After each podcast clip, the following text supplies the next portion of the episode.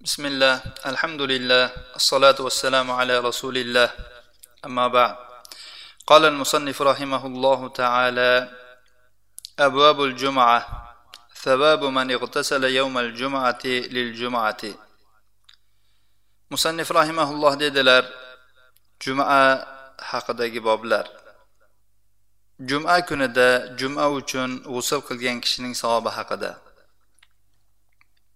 عن عبد الله بن أبي قتادة قال دخل علي أبي وأنا أغتسل يوم الجمعة. فقال غسلك هذا من جنابة أو للجمعة؟ قلت من جنابة.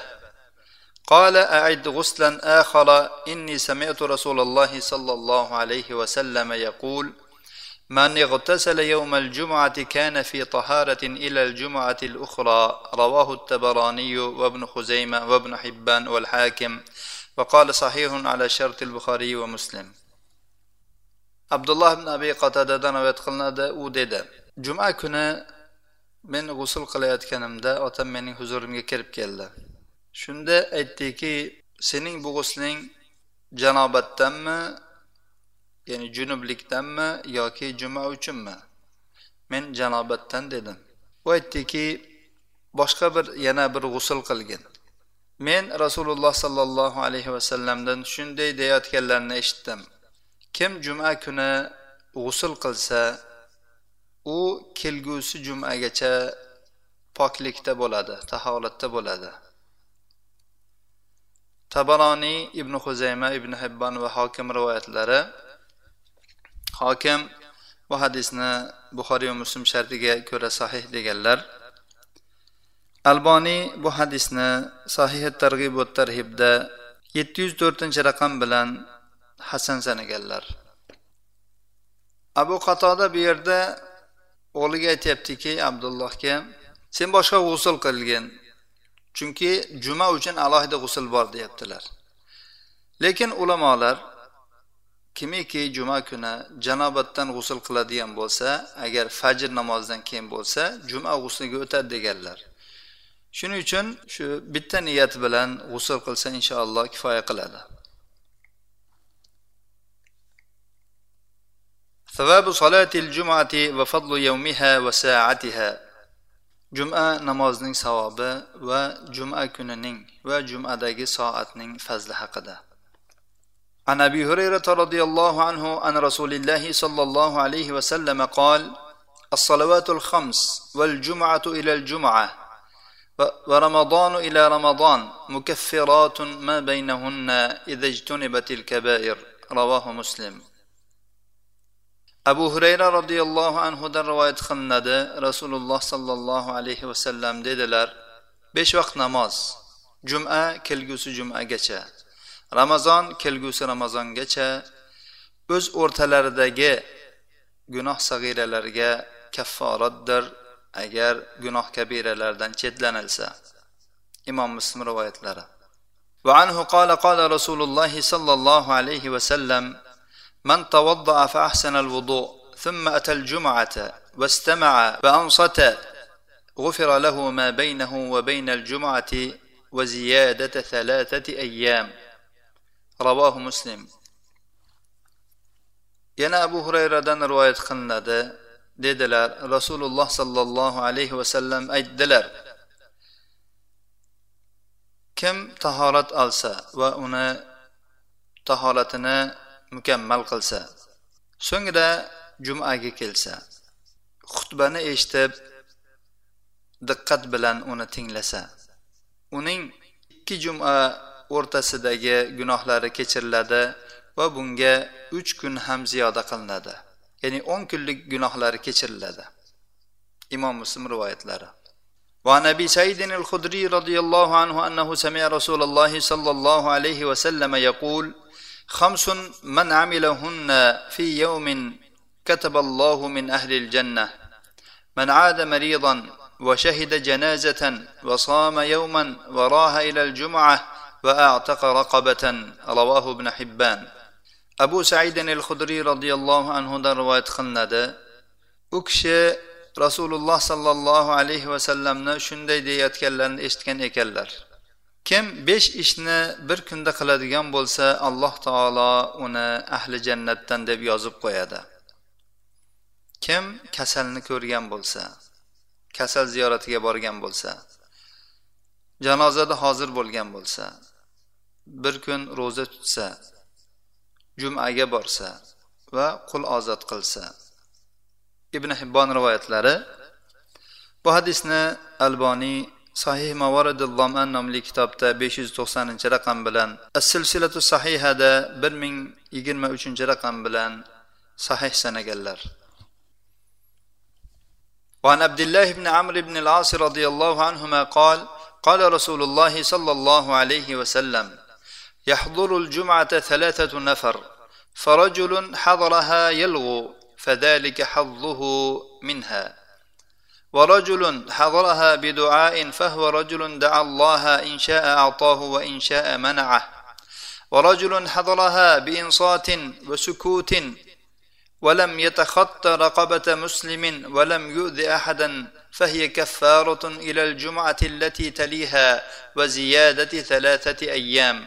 وذلك أن الله تعالى يقول من جاء بالحسنة فله عشر أمثالها رواه أبو داود وابن خزيمة عبد الله ibn amr ibn al as roziyallohu anhudan rivoyat qilinadi aytdilarki rasululloh sollallohu alayhi vasallam dedilar jumaga uch toifa odam hozir bo'ladi bir kishi jumaga hozir bo'ladi u jumada lag'ov qilgan bo'ladi.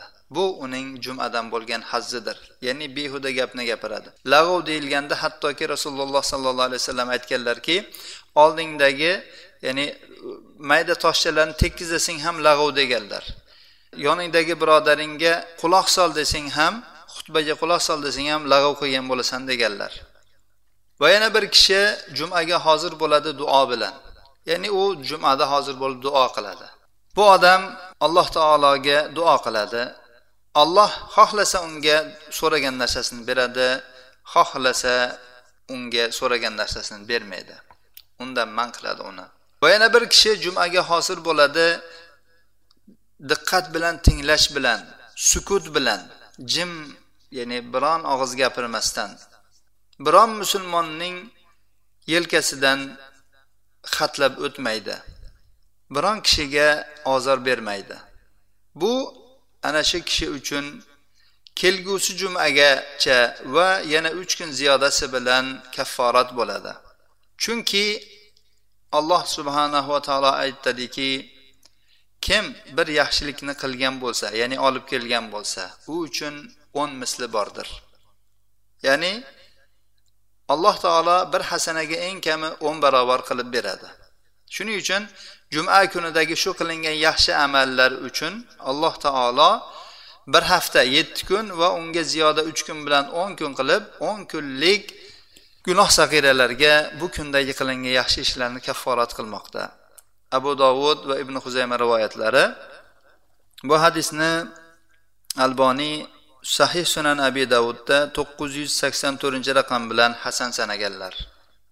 وعن أبي لبابة بن عبد المنذر رضي الله عنه قال قال رسول الله صلى الله عليه وسلم إن يوم الجمعة سيد الأيام وأعظمها عند الله وهو أعظم عند الله من يوم الأضحى ويوم الفطر وفيه خمس خلال خلق الله فيه آدم وأهبط الله فيه آدم إلى الأرض وفيه توفى الله آدم وفيه ساعة لا يسأل الله فيها العبد شيئا إلا أعطاه ما لم يسأل حراما. وفيه تقوم الساعة ما من ملك مقرب ولا سماء ولا أرض ولا رياح ولا جبال ولا بحر إلا وهن يشفقن من يوم الجمعة. رواه أحمد وابن ماجه بإسناد حسن. Abu lubaba ibn abdul mundir roziyallohu anhudan rivoyat qilinadi. Dedilar rasululloh sollallohu alayhi vasallam aytdilar juma kuni kullarning sayyidi va allohning huzurida kunlarning eng ulug'idir. Bu kun allohning huzurida idil azho kunidan ham idil fitr kunidan ham ulug'roqdir. Bu kunda besh xislat bor. Alloh subhanahu va taolo odamni mana shu kunda yaratdi. Odamni shu kunda yerga tushirdi va mana shu kunda alloh taolo odamni vafot toptirdi. Shu kunda juma kunda ya'ni bir soat borki bir vaqt borki soat deganda bizga ma'ruf bo'lgan oltmish daqiqalik soat emas. Bir ma'lum vaqt cheklanmagan. Unda bir vaqt borki banda ana shu vaqtda alloh taolodan biror narsani so'raydigan bo'lsa albatta unga o'sha narsani beradi modomiki banda harom narsani so'ramas ekan. Va mana shu kunda qiyomat qoyim bo'ladi. Bilon bir farishta osmon yer shamol tog' va dengiz yo'qki magaram ularning har biri juma kunidan qo'rqib turadilar imom ahmad ibn moja hasan sanat bilan rivoyat qilganlar alboniy bu hadisni sahih sunan ibn mojada sakkiz yuz sakson sakkizinchi raqam bilan hasan sanaganlar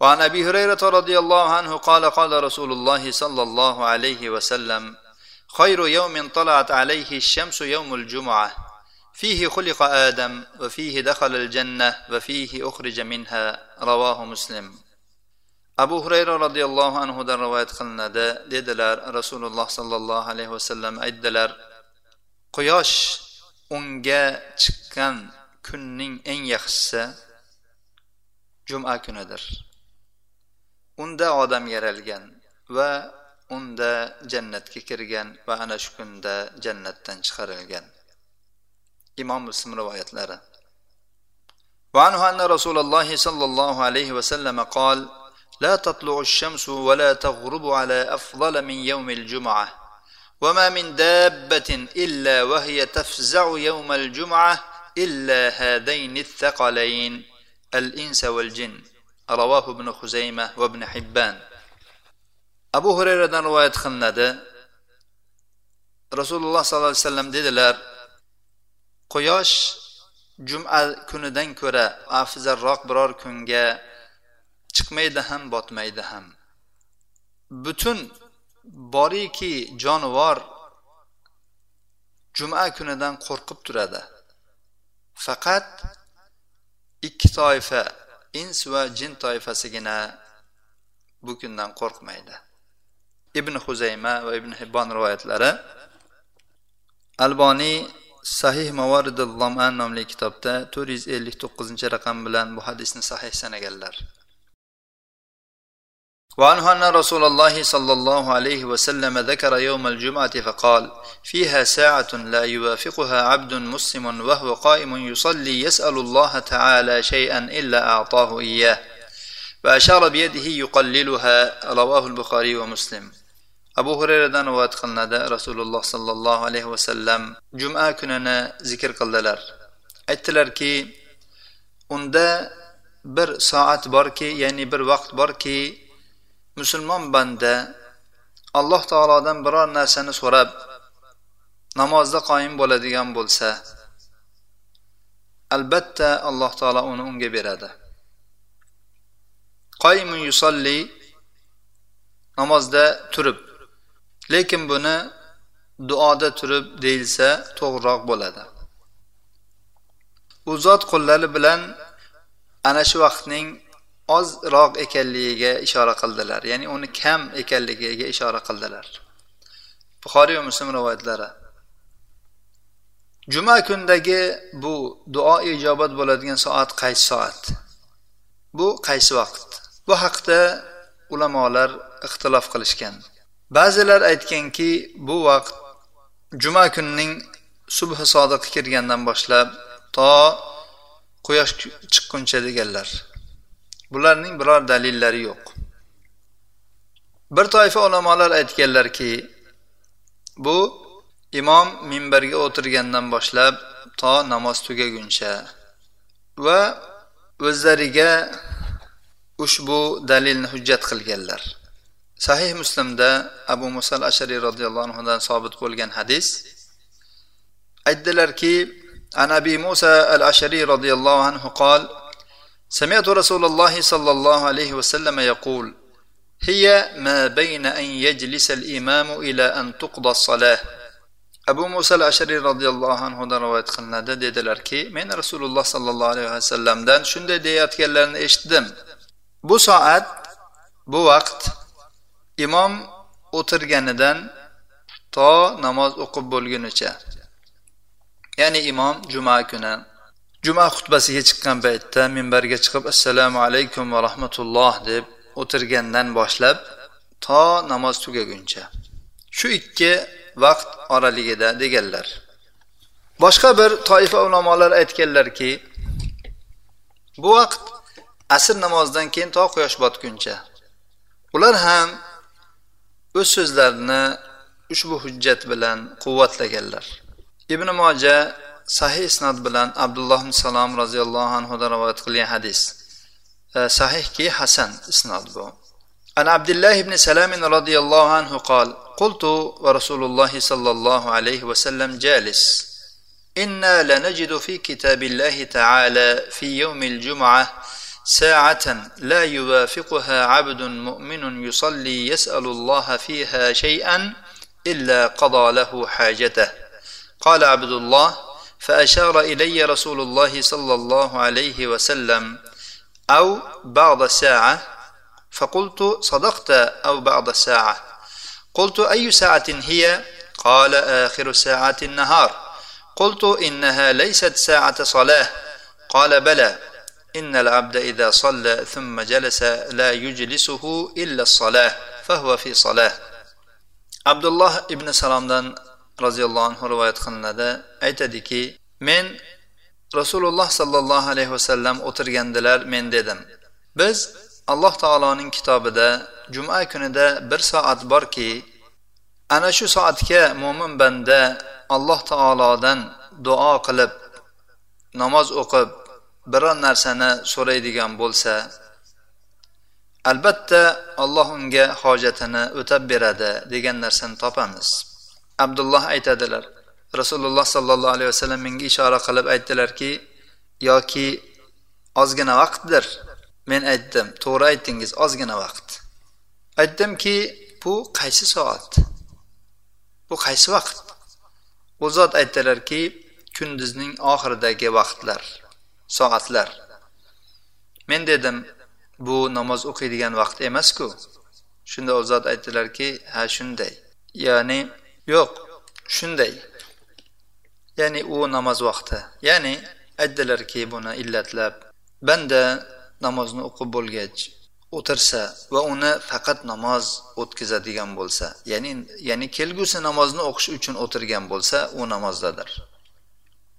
Bu hadis mazkur soat mazkur vaqt asrdan keyingi vaqt ekanligiga dalolat qilmoqda ular yana abu dovud nasoiy hokim jobir roziyallohu anhudan rivoyat qilgan hadisni ham dalil qilib keltirdilar عن جابر رضي الله عنه عن رسول الله صلى الله عليه وسلم قال يوم الجمعة اثنتا عشرة ساعة لا يوجد عبد مسلم يسأل الله تعالى شيئا إلا آتاه إياه فالتمسوها آخر الساعة بعد العصر bundan oldingi hadisni alboniy sahih sunan ibn mojada to'qqiz yuz o'ttiz to'rtinchi raqam bilan hasan sanagandilar abu dovudning jobirdan qilgan rivoyatlarini esa alboniy sahih sunan abi davudda to'qqiz yuz yigirma oltinchi raqam bilan sahih sanaganlar ma'nosi jobir roziyallohu anhudan rivoyat qilinadi. Rasululloh sollallohu alayhi vasallam dedilar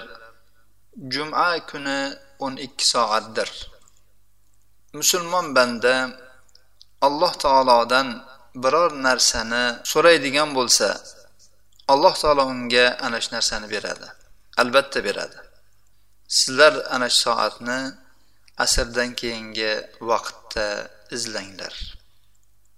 Bu hadis ham mazkur soat mazkur vaqt asrdan keyin ekanligiga dalolat qilyapti. Demak ulamolar ikki qavlni aytib birlari imom minbarga chiqqandan to namoz tugaguncha degan bo'lsalar boshqa bir toifa ulamolar asrdan keyin to quyosh botguncha degan ekanlar. Albatta ikkala toifa ham o'zlariga hujjat qilib sahih va hasan hadislarni keltirganlar. Biroq birinchi toifaning dalillari imom buxoriy va muslim rivoyat qilganligi uchun kuchliroqdir. Keyingilarga qaraganda. Lekin bu yerda bu yerda ikki xil qavl bo'lsa ham musulmon kishi har ikki vaqtda duo qilishga harakat qilib duo qiladigan bo'lsa yo unisida yo bunisida mazkur soatga muvofiq kelsa albatta alloh taolo unga so'ragan narsasini beradi. Gohida bir narsaning vaqti aniq bo'lmasligi vaqti aniq bo'lmasligi ana shu vaqtda ko'proq duo ibodat qilishlikka ham targ'ib bo'ladi. Xuddi laylatil qadr noma'lum bo'lgandek juma kunidagi bu soat ham e, ko'proq e, g'omizligicha noaniqligicha qolgan. Lekin imom buxoriy muslim rivoyat qilgan hadis ko'proq buni o'sha imom minbarga chiqqandan to namoz tugaguncha ekanligiga ko'proq dalolat qiladi. Ya'ni biz bu vaqtda ham asrdan keyingi vaqtda ham asr namozini o'qigandan keyin to shomgacha agar o'tirsak yoki agar unga imkonimiz bo'lmasa asrni o'qilgandan keyin shomga bir biron yarim soat qolganda yoki undan ko'proq vaqt qolganda masjidga kirib shom namozini kutib duo qilib o'tiradigan bo'lsak shoyatki mana shu hadisda kelgan soatga muvofiq kelib duolarimiz ijobat bo'lsa hada va sallallohu ala nabiyina muhammad va ala alihi va sahbihi vasallam